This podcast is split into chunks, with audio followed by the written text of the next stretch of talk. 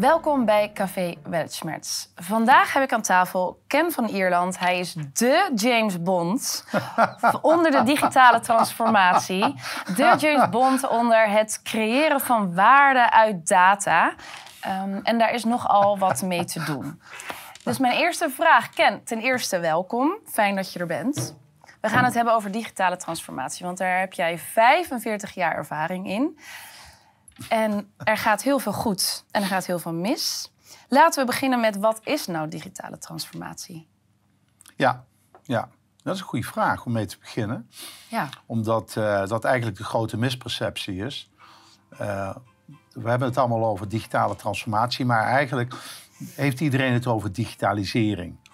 En digitalisering is waar we al 60 jaar mee bezig zijn. Is het automatiseren van niet geautomatiseerde processen. En daar hebben we nu een nieuwe hype, een nieuw containerbegrip overheen gegooid. En dat heet digitalisering. digitale transformatie is heel iets anders. Ja.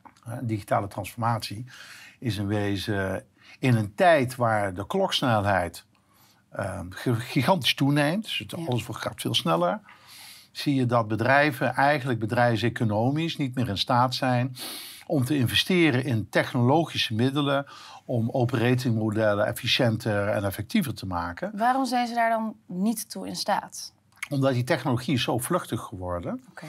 En die heeft ertoe geleid hè, met de adaptatie van iPhones en, en, en dat, dat, soort technologie, hmm. is dat de keten is gekeerd daar waar vroeger we in een supply chain gedreven maatschappij zaten, zitten we nu in een demand chain gedreven maatschappij, waarin jij als consument, het individu, uiteindelijk de, de, de, de centerpoint is geworden van die samenleving. Omdat jij plaats en tijd onafhankelijk jouw diensten of producten kan kopen tegen de, jouw gewenste prijs-prestatieverhouding. Ja. Ja, en dat heeft de, maatschappij zo op zijn kop gezet dat dus bestaande operatingmodellen um, eigenlijk te kostbaar geworden zijn. De wijze waarop wij georganiseerd zijn te kostbaar geworden zijn om daar uh, uh, snel op te kunnen reageren. Er komt dus bij dat er een nieuw fenomeen is ontstaan.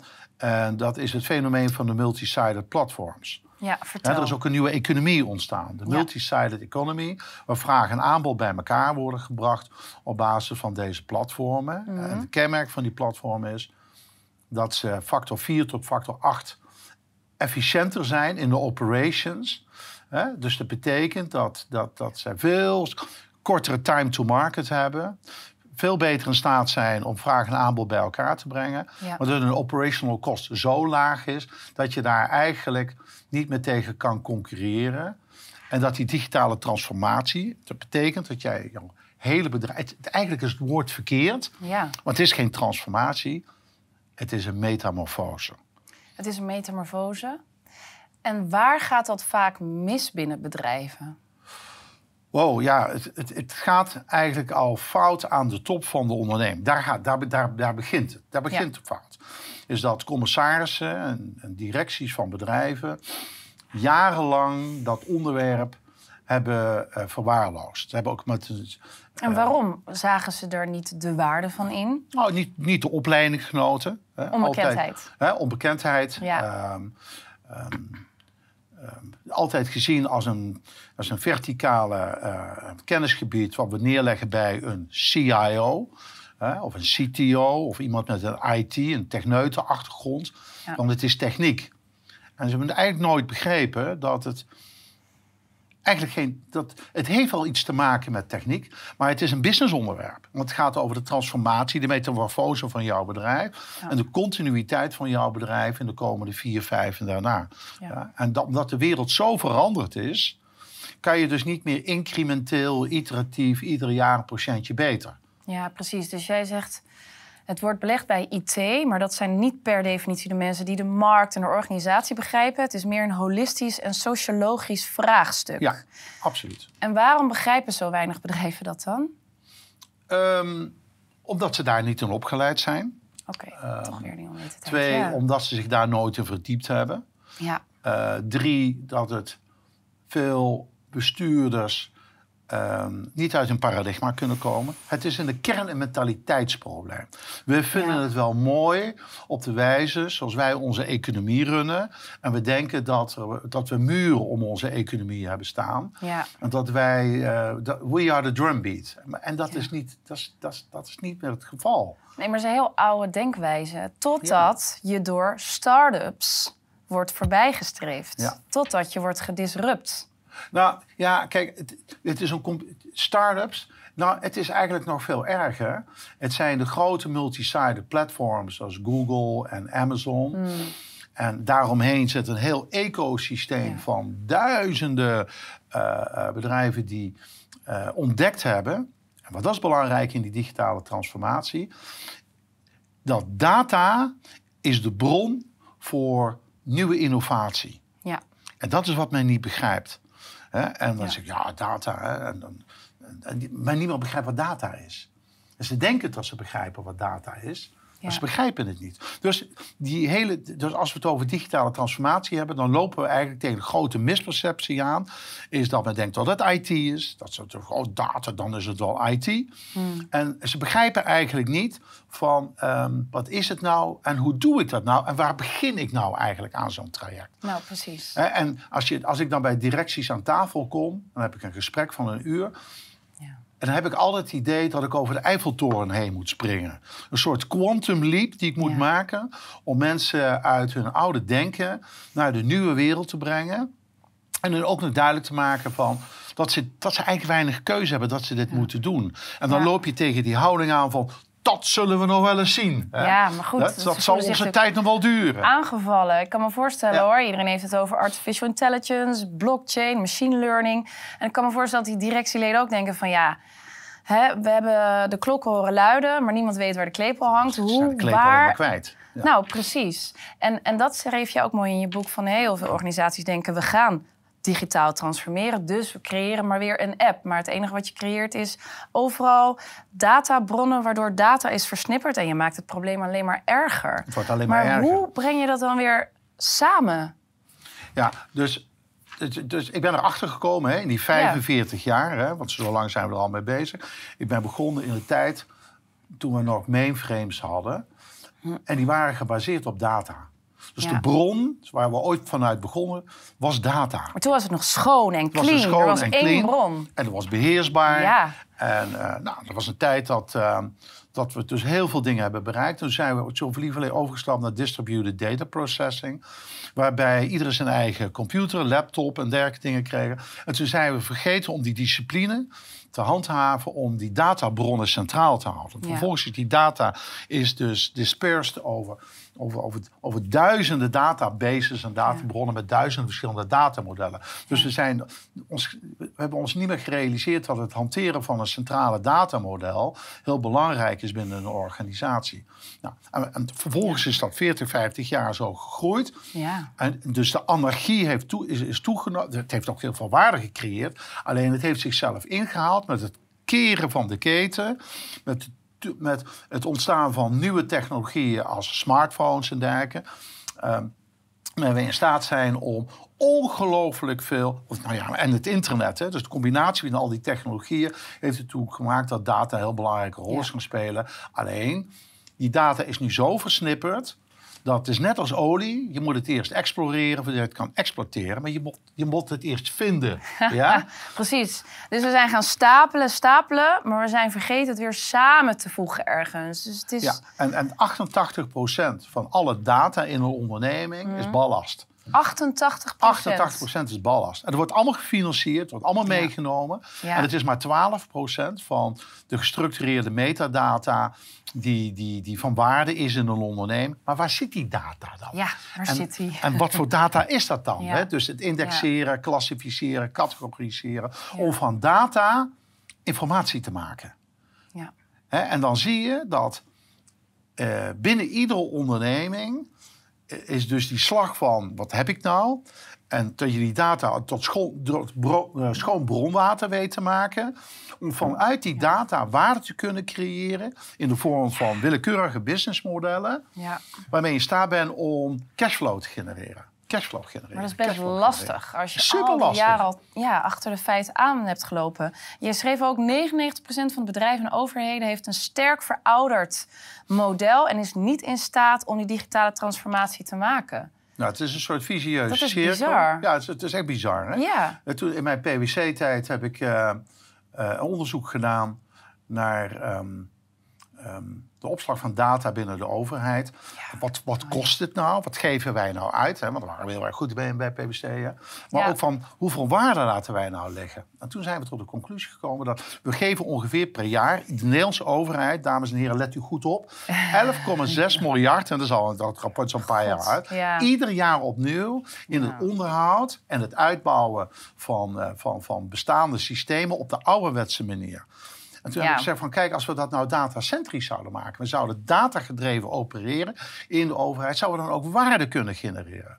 ja. En dan voel je ook gehoord als consument. Want Maar het gaat over geld, hè? Ja, Want wat, er, wat wij hebben uitgerekend, dat de, de Nederlandse overheid zou in staat zijn om Mhm. 28 miljard euro per jaar aan waarde te kunnen genereren door de data die ze hebben centraal te stellen, om daarmee nieuwe diensten, bestaande diensten, nieuwe diensten, het uitgeven van een paspoort is een dienst, Ja. daar kan je geld voor vragen. Ja. Dus we hebben daar eh, eh, de premisse genomen dat de burger bereid zou zijn, en bereid is, en dat is hij ook, om diensten te kopen van de overheid. Dat brengt die overheid en de burger ook dichter bij elkaar. Ja. Dan zien ze ook het nut van elkaar. in. En dat creëert heel veel waarde, waarbij je de data en de kennis die daarin opgeslagen bent, zit, kan hergebruiken. Een mooi voorbeeld was Ja. dat wij een project hebben gedaan bij de Kamer van Koophandel. Nou, de Kamer van Koophandel is een prachtig bedrijf. Die eh, hanteert de data, bezit de data van 1,6 miljoen Nederlandse bedrijven. Ja. Het enige wat ze doen is registreren. precies. Ik ben er ook een keer heen gegaan. 50 euro betaald, geregistreerd. Nou, top. Top, geweldig. En Ja, dan? en dan? En dan Ja. gebeurt er dus helemaal niks. Nee. En de overheid plust ieder jaar 100 miljoen bij in het onderhoud van die IT-systemen. Serieus? Maar ieder jaar 100 miljoen. En ze zijn nog nooit op het idee gekomen van... ik zoek mijn paard en ik zit erop. Dat ze op goud zitten. Ja. Ze zitten op de data van 1,6 miljoen bedrijven. En als je daar, want ik heb dat ook met de directie besproken... en die zit je dan aan te gapen en zeggen... Ja. ja, nee, dat is onze taak helemaal niet. Die mensen zijn, zijn ook stop met denken, weet je wel. Dus die voeren Ja. alleen nog maar uit. En dan zeg ik van, jongens, maar als je kijkt naar vergelijkbare ondernemingen... Hè, dus marktondernemingen die op data zitten... die Mhm. Ja. zijn miljarden waard. Ja. En als je 28 miljard, hè, en dat was een zeer conservatief plan... een zeer conservatieve Ja. analyse... Waarschijnlijk veel groter. 28 miljard. Als je Ja. ieder jaar 28 miljard, je zou dat contant maken. Hè, je zou er een- eh, dus een DCF-waarde aan gaan hangen. Mm. Dan heb je het over zo'n 23 miljard. Die je dus ten laste zou kunnen brengen van de staatsbalans. Dus van de, van de, van de schuld op de Nou. staatsbalans. Dat is niet Ja. weinig. En als je dat dus consequent zou doen, Ja. en je zou daar dus data gedreven in worden, dus je wordt daar goed in, Mm. dan kan het alleen maar oplopen. Ja, precies. Maar zo denkt men niet. Dus denkt men ik, niet, ik, nee. ik, ik zou je vertellen, ik ben met dat verhaal naar de politiek gegaan. Ja, het is ook lachen. Hè? Het is natuurlijk Ja. wel een vorm van cynisme. Maar het, het- A, ze begrijpen je niet.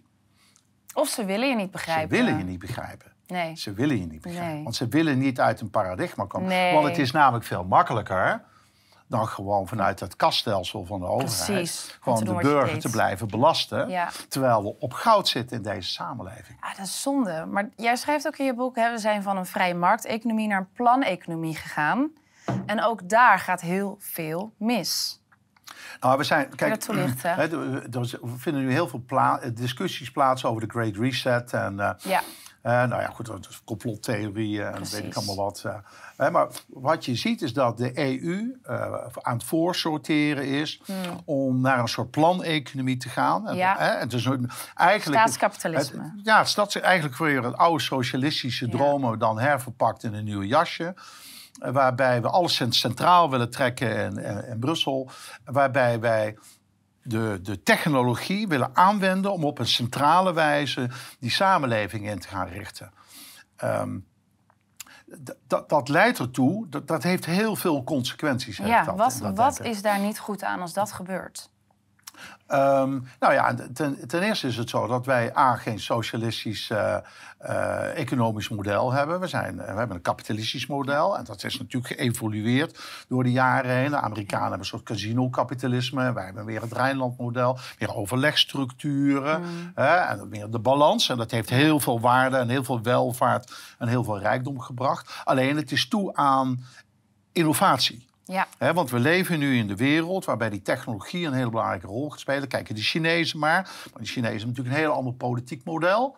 Ja? Dan heb je de Amerikanen en, en Europa, die staan het dichtste bij elkaar, omdat we natuurlijk voortkomen uit democratieën. Dat is ook het belangrijkste waarde die we te beschermen hebben. dat is onze democratie, de vrijheid van het mm. individu. En daar gaat het om. Het gaat om het individu. Het individu heeft altijd heel veel waarde gecreëerd in combinatie met een regulerende overheid. En er moet een zekere balans zitten. Dus hoe groot die overheid is, hoe groot die marktsector is. En daar hebben wij in met name in Europa hebben we er altijd wel een goede balans in, in gevonden. Ja? Veel mensen zeggen, ja, ik zou niet in Amerika willen wonen, want het is toch een andere maatschappij, het is een hardere maatschappij. Maar wat we wel zien, is dat het Amerikaanse model is veel succesvoller. Hè? Want Klopt. Alle Mensen denken meer voor zichzelf na. Alle technologieplatformen komen uit Amerika. Ja. En dan heb je die Chinezen, maar daar zitten luikjes in. Omdat China is geen, is geen democratie. Maar wat we nu zien is dat men in Brussel aan het voorsorteren is om met technologie uh, de burger, de massa, te gaan besturen. En dat dat, dat, dat ten koste gaat van onze vrijheden. Ja. Niet alleen onze persoonlijke vrijheden, maar ook onze economische vrijheden. Ja. En dat het ten koste gaat van onze innovatieve kracht. Want wij hebben dat soort platformen niet in Europa. Wij hebben 40, 50 jaar geleden onze IT-industrie mm. verkwanseld. Wij moeten een keuze maken. Gaan we het met de Chinezen doen of gaan we het met de Amerikanen doen? Nou, voor mij is die keuze wel duidelijk. De Amerikanen hebben ons bevrijd. Ze hebben ons de eet gegeven. We hebben 75 jaar voor nop onder een nucleaire paraplu geleefd. Ja? Dus wij zijn eigenlijk zo met elkaar verbonden in, in de verscheidenheid die we met elkaar hebben. En wat doen we in Brussel? We beginnen met de Digital Market Act en we gaan ze bestrijden. In plaats van dat we met ze gaan samenwerken. Gaan we ze bestrijden. Gaan we ze bestrijden. Heel kortzichtig. Ja, ik, ik weet je, ik, ik, ik, ik, ik ben er 45 jaar mee bezig. Voor veel Amerikaanse bedrijven heb ik gewerkt. Ja. En uh, voor en, en, en, en, en ja, tegen. Maar ik begrijp gewoon absoluut niet waarom we dus nu een soort cancel woke cultuur gaan beginnen tegen de Amerikaanse eh, big tech uh, ondernemingen. Terwijl we ze nodig hebben. We Vooral als we zelf de innovatiekracht niet hebben, binnen de organisatie of binnen het land, moet ik eigenlijk zeggen. Nou ja, binnen Europa. Ja. dus, uh, wat hebben die, uh, we hebben die mannen in Brussel bedacht? Gaia X. Ja. En Gaia X zou dan hè, door, door Brussel gefinancierd. Het is allemaal gesubsidieerd geld. Ja. Het is allemaal gesubsidieerd geld. Ja. Dat we stoppen miljarden in de ontwikkeling van een Gaia X. Waarbij we een aantal Fransen de lead hebben laten nemen. Nou, dan weet je al, dan is, de, dan is, dan is het gauw een knokpartij. En die daar hun eigen Franse bedrijven naar voren getrokken hebben. En de Duitsers hebben Siemens naar voren getrokken. En de Fransen hebben Atos en Capgemini naar voren getrokken. En vervolgens moesten die met elkaar een platform gaan bouwen. Wat moest gaan concurreren tegen Google en Amazon. Ja. Forget it. Forget it. Ja. Dat, dat, dat gaat hem dus nooit. En dat is ook meteen gesneuveld. Maar het is ook ja, maar ik vind het ook zonde, want we moeten eigenlijk weer terug naar die vrije markteconomie. Want nu is alles subsidie gedreven door de overheid. Alles. Hè? Dus de overheid bepaalt, nou ja, de energietransitie is belangrijk, die bepaalt een aantal hoofdthema's. Terwijl de, het echte ondernemend Nederland, die krijgt gewoon de kans niet meer. Nou. Dus hoe krijg je dan nog die goede ideeën en die innovaties naar boven? Ik, ik ben positief gestemd. Gelukkig. Ik ben positief gestemd. Um, Nederland is een. Uh, is een bijzonder mooi innovatief landje. Ja. we hebben veel industrieën voortgebracht. We hebben veel dingen. Kijk naar bedrijven als ASML. Hè. Het is nooit als start-up ontstaan. Maar wel heel mooi dat mm. zij de markt domineren met hun wafersteppers. Ja. Ehm, en zo hebben we Wageningen als universiteit op agrogebied en absolute cijfers zijn wij de ene grootste uh, exporteur van agroproducten in de wereld. Uh, en dus ik kan wel een voorbeeld, maar dan zijn we uren aan het praten over wat wij in Nederland allemaal kunnen. En Delft als universiteit is natuurlijk wereldberoemd. Ja. Um, dus we hebben nogal wat. We hebben veel knappe koppen in dit land. Hoe gaan we daar gebruik van maken? Mentaliteitsverandering. Oké, bij wie en hoe? Dat is wat Prins Constantijn zei. Eh, Nederlandse start-up is een verzameling van cappuccino drinkende hipsters. Hipsters, ja. Die gefinancierd worden door banken en Ja. gemeentes. Nou, Ik vond het geweldig, die quote in je boek. geweldig. In Nederland, Ja, ik vind, vind het mooi hè, dat, is, Ja. dat, dat iemand uit, eh, uit dus, eh, Maar daarmee zegt hij eigenlijk, ze zijn subsidiegedreven... maar niet per definitie dat ze meer vanuit zichzelf denken. Nee, omdat is- everybody's reaching out naar, naar, naar, naar de overheid. Ja. Dus De, de overheid moet alles financieren. Hier, het hier, Wouter, hier. Of het eh, Wopke Wiebesfonds. Ja. Het eh, Wouter Bosfonds. Ja. Ja. En zo, noem maar op. Hè. Ehm, en dat zie je dus op heel veel terreinen. En, en wat, er, wat er gebeurt, is dat grote industriële ondernemingen... die gaan aan de mem van de overheid hangen. Banken hangen aan de mem van de overheid. KLM hangt aan de mem van de overheid. Eh, Eneco, eh Vattenfall, eh, Shell hangt aan de, aan de mem van de overheid. En je ziet in toenemende mate dat in plaats van dat we gaan innoveren... op basis van risicodragend kapitaal... Ja. met de mentaliteit om te winnen... niet de zesjescultuur, maar wij streven naar een negen. Hè, summa cum laude willen we, willen we slagen. Dus you have to go the extra mile. Kiezen we voor de gezapigheid. En het is wel mooi zo. En dat betekent ook dat in onze governance structuur... we hebben dat two-tier model in, eh, in Europa en met Ja. name in Nederland... waarbij we op afstand gaan staan van bestuurders. En ja, maar we dragen toch winst. We, we maken toch winst. Maar maken we wel voldoende winst Ja. om de continuïteit van de onderneming te kunnen Dan creëren garanderen? we waarde. En ik maak mee in de colleges die ik op Nijrode geef. Tot, dat, dat doe ik al zo'n zo'n acht, eh, negen jaar. Dat ik met verbazing, echt met verbazing, in, in mijn collegezalen mensen zeggen van... Ja, maar hoezo geld verdienen? Het gaat toch om het klimaat? Ja, maar dat is weer het subsidiegedreven model. En een hype. Ja, Dus we zitten dus, hè, dus de Klimaatkerk heeft een enorme hype gecreëerd. Ja. Waarbij de overheid daarin is gesprongen. Waarbij we 60 miljard gaan uitgeven aan een stikstofprobleem. Een zelfgecreëerd probleem. Waarbij we geld in, wat geen pepernoot op gaat leveren. Dus we nee. begrijpen En ook. geen innovatiekracht. En geen innovatiekracht Nee. met zich meebrengt. Nee. Ja, zonnecellen. Maar zonnecellen, dat zo'n briljante technologie is dat nou ook weer niet. Kost verschrikkelijk veel geld om het te maken. Kost ook verschrikkelijk veel geld om het te onderhouden. En het is niet recyclebaar. Uiteindelijk, als je naar het economisch model gaat. Ja, het is super interessant voor Shell. En super interessant voor Eneco. Ja, hè, maar voor de maatschappij levert het geen pepernoot op. nee. Nou, en zo zie je dus voorbeelden over. Dus dat we te veel in narratieven terechtkomen. Ja. Die niets meer te maken hebben met eh, ondernemerschap, met innovatie. Eh, Men verdraait de, de, de, dit soort concepten. eh, waarbij als je er echt bedrijfseconomisch naar gaat kijken. Is dat het gewoon verliesgevend is. Het is verlieslatend. Het is waardedestructief geworden. Ja, En dat zie je dus ook bij bedrijven, hè, om van die grote thema's naar de kleine thema's te gaan. Dat heel veel bedrijven worstelen. Wie ben ik? Ja. Wat doe ik? Ja? Waarin onderscheid ik mij nou zelf? En hoe ga ik de komende jaren zorgen dat ik de continuïteit van de onderneming kan waarborgen? Waarbij je op de scheidslijn van moderne technologie en de keuzes die je gaat maken in combinatie met de technologie op een disruptieve wijze ja. jezelf te gaan positioneren in de markt. En wat zou je daarin adviseren? Jij zegt heel mooi ook in je boek van hè, heel veel bedrijven zijn bezig met predictive analytics.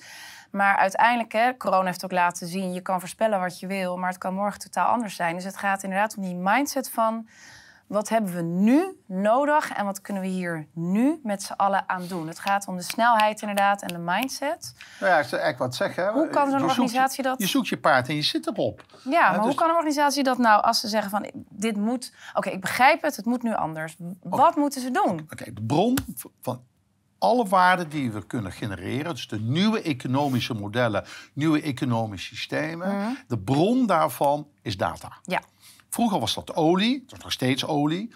hè, En olie is eindigend, Ja. maar data is oneindig. En het probleem met data is dat je er te veel van kan hebben. Ja. En bij olie kan je er niet genoeg van hebben. Nou, het mooie is dat als je data weet te zuiveren, weer terug weet te brengen naar bron, naar de essentie van wat data betekent. Ik zal een voorbeeld geven. Ja. Ik ben jou 100.000 euro, gulden verschuldigd, of euro's. We leven niet meer in de gulden tijd. dat is al even geleden, Ken. we leven in de eurotijd. Ja. Ehm, ehm, ik ben jou 100.000 euro verschuldigd. Dat hebben we contractueel vastgelegd. Wat Ja. je ziet, is dat over het algemeen zo'n contract eh, in, in, in, dus meerdere malen in databases worden opgeslagen bij één of bij meerdere partijen. Maar het gaat erom dat ik jou 100.000 euro beschuldigd. En dat is vastgelegd aan vraag. En dan naam, adres, woonplaats en weet ik, alle teksten daaromheen. Die zijn eigenlijk irrelevant. Ja. Dat is allemaal vulling van databases maal zoveel keer. Want het wordt ge- gerepliceerd ongeveer maal 10. Dus onze overeenkomst staat minimaal 10 keer in diezelfde database op een andere plek. In mails, in documenten en weet ik al wat. Ja. Dus als je dat gaat schonen, Terugbrengen naar de terug gaan brengen. Dus naar de basis van wat Ja. data nou eigenlijk is. Ja. Dan ga je het indexeren. En dan ben je al met de eerste slag van informatie bezig. Van wat is dat nou voor Ja, data? En dan zeg je wel. En dan ga je het klassificeren. Dan ga je het categoriseren. En dan ga je het cleanen. En dan blijkt uiteindelijk maar 12% hou je over. Dan heb je die bron. En die data die ga je centraal stellen. Op een multi-sided platform. Want je gaat niet meer je eigen platform bouwen. Nee, alsjeblieft Wat Philips niet. gedaan heeft, wat ING gedaan heeft, wat KPN gedaan Allemaal eigen probleem. platformpjes Ja, bouwen. precies. Van baas, laat mij het zelf doen, zeggen die IT'ers. Ja. Die gaan dan hun eigen platform bouwen. Maar dan krijg je allemaal apps. En dan, En dan krijg je allemaal nog apps. meer. Ja, En dat is wat we ook noemen lipstick Ja. on a pig. Ja? Precies. Dat is een mooie, hè? Lipstick on a. Dat is shiny objects op legacy systemen. ja. En ik moet toch een leuke anekdote En daarmee bedoel je lipstick on a pig is meer oude wijn in oude zakken. Hoe zeg je het? Wijn Ja, in oude nieuwe zakken. wijn in oude zakken. Nieuwe wijn in oude zakken. Dus je, je creëert maar weer wat nieuws. Terwijl eigenlijk maak je het probleem alleen maar groter. Want in de basis heb je nog steeds niet de essentie van het probleem en de data gevonden. we, omdat dat probleem moeilijk oplosbaar was. Ja, En oplosbaar maar is. ze willen er gewoon niet aan. Ze denken, ik doe wat Ze vinden het nieuws. complex. Super gaaf. Ze durven het niet. Maar eigenlijk moet je gewoon terug naar de basis. Je moet terug naar de basis. Ja. Je moet, strikt genomen moet je opnieuw beginnen. Ja, Helemaal opnieuw beginnen. spannend. Omdat data leidt tot twee belangrijke data. eh, twee zaken. Dat is datacentrisme en datagedrevenheid. Datacentrisme is een architectuurvraagstuk. En Mhm. ja. datagedrevenheid is een vaardigheidsvraagstuk. Maar je begint met de datacentrisch. Dat is een vra- architectuurvraagstuk. En Mhm. dan komen we tot de conclusie dat iedereen is applicatiecentrisch gebouwd. Ja. Met duizenden datamodellen en duizenden databases die allemaal aan elkaar geknoopt zijn.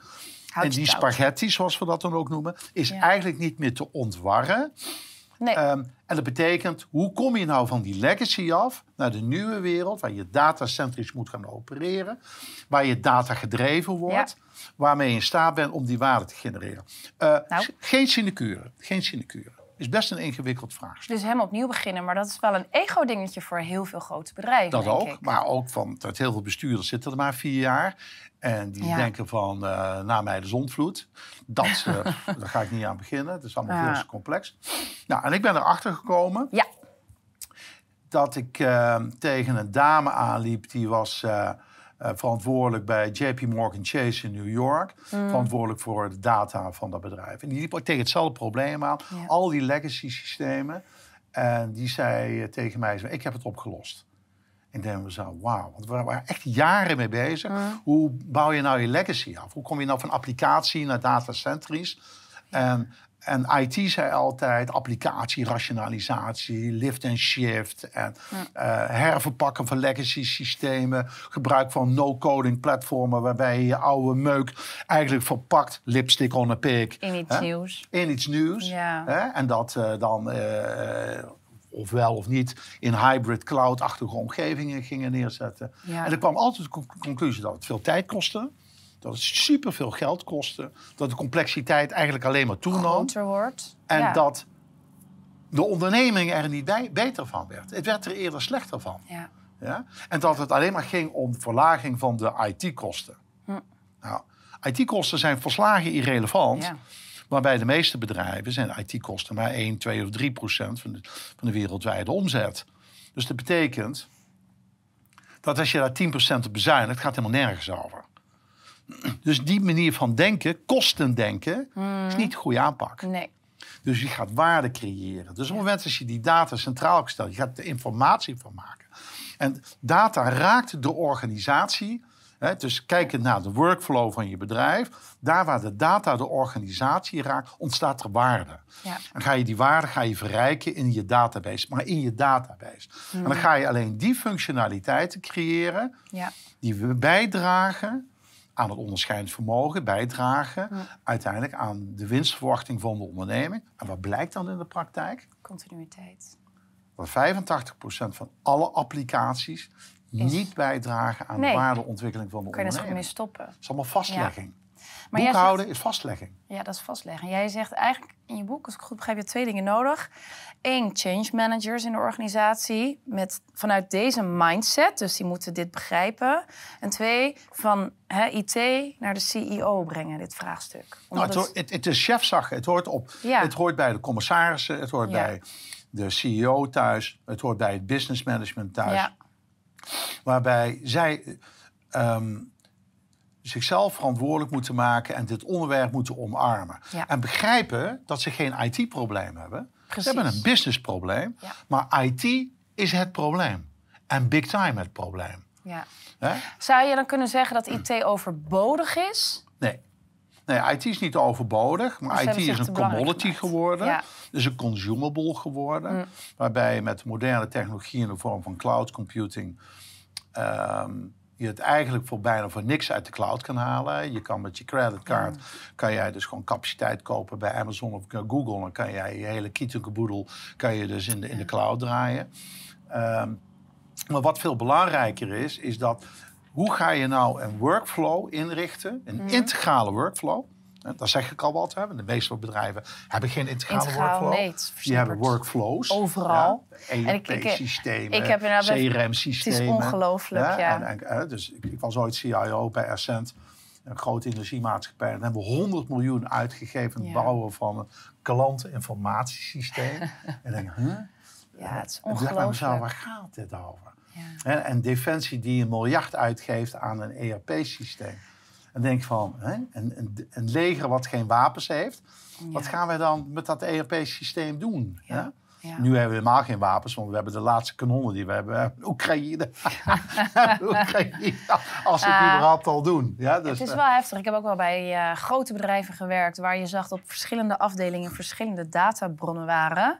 En jaren later bleven ze achter de feiten aanlopen, maar die zijn nooit tot de kern gekomen. Het is gewoon echt ontzettend zonde. Ja, het is, is, het is een, in, een, een belangrijke mate een mentaliteitsprobleem. Het is een sociologisch probleem. Hmm. Het is een holistisch vraagstuk. Nou, Ja. daar, daar gooi je nu, al wat op tafel. Hè? Ja. En wat is de holistiek eigenlijk van, van, van, van dit vraagstuk? Ja. Laten we, laten we gewoon even aflopen wat de holistiek is van dit vraagstuk. In eerste instantie is het een strategisch vraagstuk. Wie en wat ben je? En wat zou je willen zijn binnen nu een vier jaar of vijf jaar... in het licht van de internationale ontwikkelingen... eh, concurrentie van internationale bedrijven... uit alle hoeken en gaten van de markt. Van ga jij dat wel overleven met jouw businessmodel?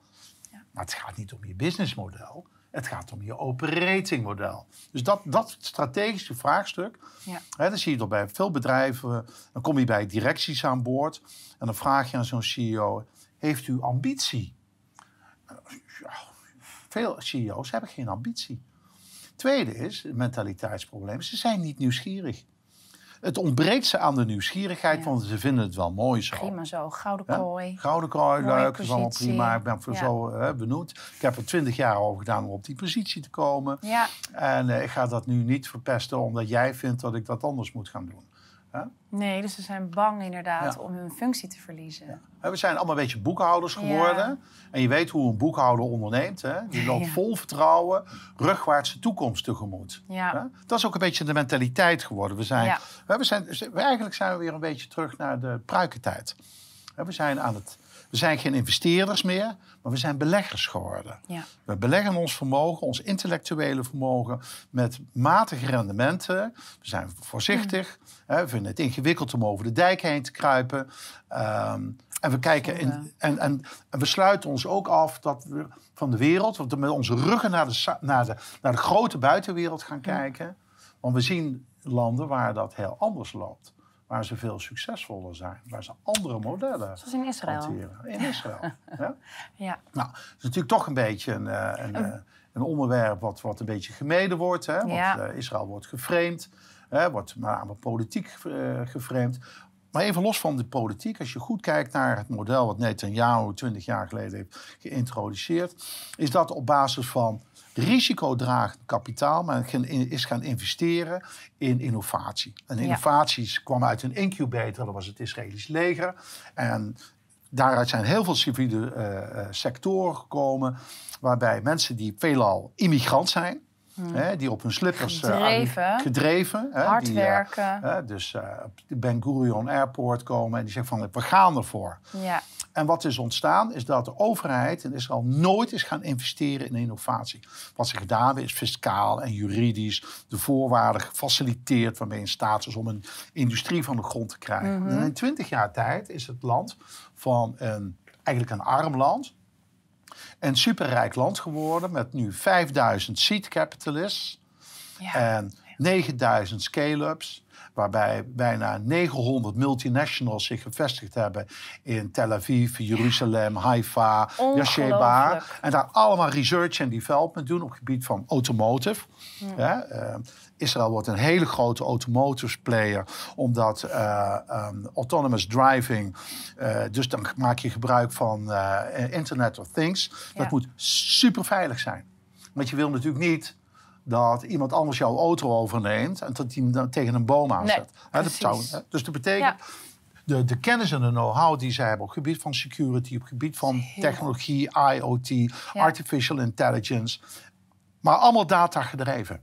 Zij hebben begrepen ja. en zij werken samen met de grote platformen in Amerika. Hè, toen Waze als, als navigatieapplicatie op de markt kwam, was dat een innovatie avant la lettre, omdat het in tegenstelling tot TomTom en al die andere eh, eh, navigatieapplicaties datacentrisch was.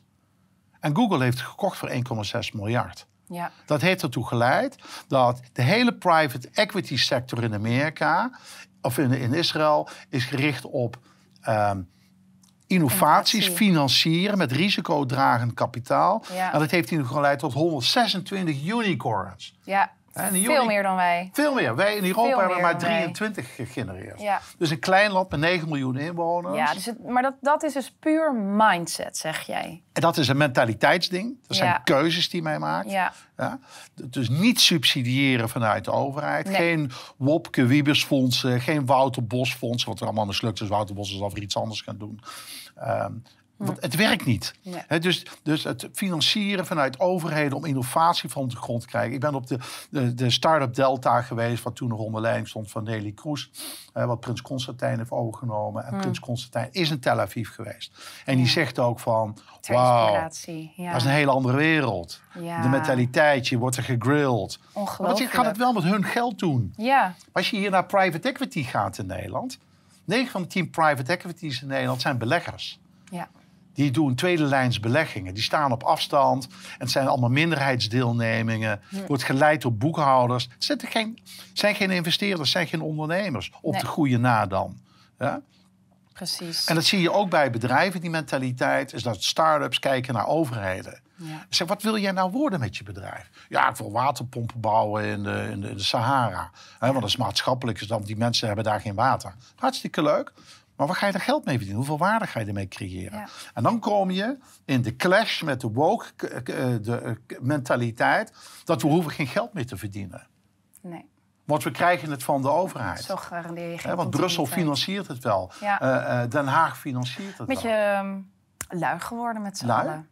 Ja. Dus als je inderdaad teruggaat naar wat is digitale transformatie... en om inderdaad het mooie geheel af te ronden... want in de volgende video gaan we natuurlijk verder... Hè, hoe gaan we dit nu doen? Ehm, waar zou je toe willen oproepen? Entrepreneurship. Risicodragend kapitaal. Ja, Ja, weer, eh, weer. Ehm, de kennis en know-how, waar we, we barsten ervan in Nederland. ja. Ja. maar doe het juist. Juist. Ja. Waarbij we leren om ons niet af te zetten. Hè, dus de, de, de verpolitisering van het discours Waarbij we weer moeten kijken, we gaan weer samenwerken, kansen creëren. Ja. Dat wij reguleren in Europa Ja. is niet slecht. Nee. Hè, Amerikanen nee, maar innoveren. meer faciliteren, maar niet bepalen. Precies, Precies. Hè? Ja. Dus dat wij reguleren en onze de- eh, eh, democratie willen beschermen en level playing field willen creëren, is uitstekend. Alleen. Amerikanen innoveren, Chinezen kopiëren, Europa reguleren. Precies. Nou, en wat wij moeten doen, is dat we veel meer moeten gaan innoveren, waarbij we gebruik gaan maken van kennis en kunde uit Amerika, uit Israël, India, is ook een belangrijke speler. Dus dat we gaan leren samenwerken Ja. met verschillende culturen om uiteindelijk de innovatieve kracht van Europa, die briljant is, ja, want we kunnen- een uur praten over alle mooie dingen in Europa, om daar weer een nieuwe economie neer te zetten die waarde gaat creëren met data waar we van barsten, waarmee we Ja. als bron gebruik kunnen maken zonder dat het vervuilt. Precies. Want dat is nog dat is super duurzaam. Ja. En daar we in staat zijn om een nieuwe economie neer te zetten. Waarbij het, het individu, het entrepreneurship, dus de vrije markteconomie gaat prevaleren. Ja. En dat we af moeten stappen van planeconomieën, technocraten in Brussel, die wel gaan, voor ons gaan bepalen. Zoals mevrouw van der Leyen, die dan daar gaat staan met een nieuwe QR-code. Dat je niet kan reizen in Europa zonder een QR-code die door Brussel eh, wordt opgelegd. En ik ben mezelf, wat een godspe. Waar zijn we in godsnaam mee bezig? Dat vind ik een heel mooi, mooie samenvatting. En in de volgende video gaan we het hebben over waarom we nu moeten starten met digitale transformatie. Heb je er al zin in? Ja, ja. In de volgende video? Ja, ja, nee, want dan Ja. gaan we die, die, die, die, de holistiek van dat vraagstuk aflopen. Hè? Want we hebben Ja. het over strategie gehad. Ja. Hè? Maar we gaan het hebben over wet en regelgeving. Ja? Hè, We gaan het hebben over nieuwe economische modellen. Ja. Hè, Van hoe financier je dat nou? Eh, hoe doe je nou die IT-transitie? Want je kan er, kan op praten wat je wil, Ja. maar die is er wel. Ja. Hoe doe je dat nou? En dan als laatste, en denk ik wel het meest belangrijke, dat is het sociologisch vraagstuk van... Precies. Het is mensgedreven. De mens staat centraal hierin. En hoe kunnen wij nou met al die met 500 miljoen mensen, en dan neem ik de Britten maar eventjes mee, anders komen we nooit in die 500 miljoen. eh, kunnen wij een nieuwe innovatieve kracht gaan creëren in Europa, waarbij we weer gaan excelleren? Ja. Daar gaan we het over hebben. Daar gaan we het over hebben, lieve mensen, in de volgende video's. Dank jullie wel voor het kijken en fijne dag.